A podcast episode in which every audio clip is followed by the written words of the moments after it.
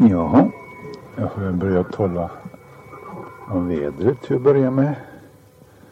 Det tycks bli nästan det viktigaste på den här resan. Det har varit eh, skapligt väder idag. Betydligt bättre än det var igår. Eh, den där kylan har faktiskt försvunnit nu mer och mer. Nu ikväll, nu är det ganska skapligt. Det påminner nästan om en sommarkväll. Ja, jag körde uppifrån Svärdsjö eller någonstans där då. Vi eh, körde söderut. 266 hette vägen. Jag kom till Hedemora. Eh, jag körde 251 neråt till Norberg. till Fagersta körde jag sedan där. Eh, 250 körde jag neråt söderut skulle jag tro. Och på småvägar som jag inte nu kan redogöra för. Eh, jag kom fram till eh, eh, ja, Arboga kom jag fram till. Och sedan så kom ut P18 där. Och jag rullade vidare ner till Örebro. Och jag kom in i stan och skulle ju fortsätta på en väg som gick till, eh, eh, ja vad står det nu? Eh, eh Odensbacken ja, nummer 207. Och det får mig ju leta åtskilligt i Örebro. De har börjat med sådana här ståninledningar för stan också. Södra, norra, västra och östra.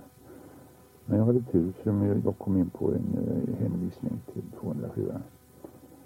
Och nu har jag kört Odensbacken ja och jag har kört vidare söderut. Eh, så att eh, till Breven, Brevens bruk, det är väl cirka eh, några mil söder om Odensbacken där. Och där är väldigt fina vägar, det får jag säga då. Och här har jag kört in till vänster på en av de få möjliga platserna som jag har funnit. Jag har ätit och jag har riggat i ordning. Och ehm, eh, jag får se imorgon hur jag gör om jag fortsätter direkt hem eller om jag ligger över nattid. Ja, jag sitter och tittar rakt fram nu. Nu åker en punkt där som vägskälet till. Och eh, där är huset eh, en tornliknande byggnad. Nästan Sirius eller någonting utav grupp. Cirka 15 meter hög. Och eh, vid foten där går denna inflyttning här på vänster sida.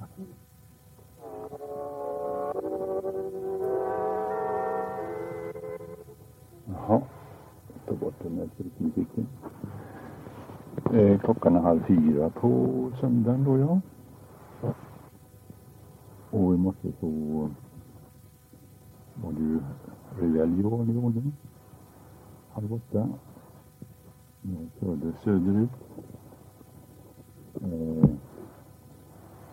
jag körde till eh, Borensberg, på 211. Vidare till Mjölby jag körde på 32an till Tranås.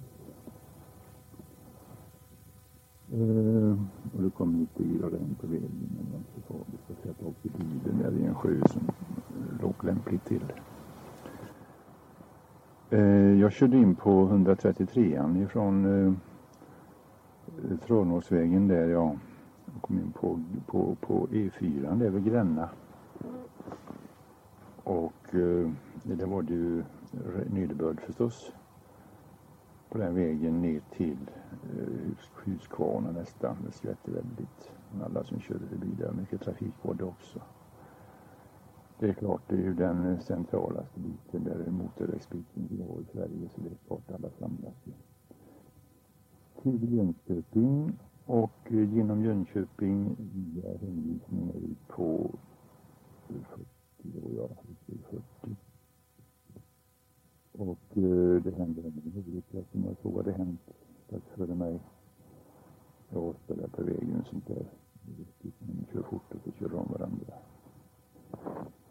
Och eh, jag har kört in på en liten väg nu. Och tagit lite mat. Jag tänkte väl att köra in i en omgång till. Jag är väl nu ungefär mitt emellan Jönköping och Ulricehamn.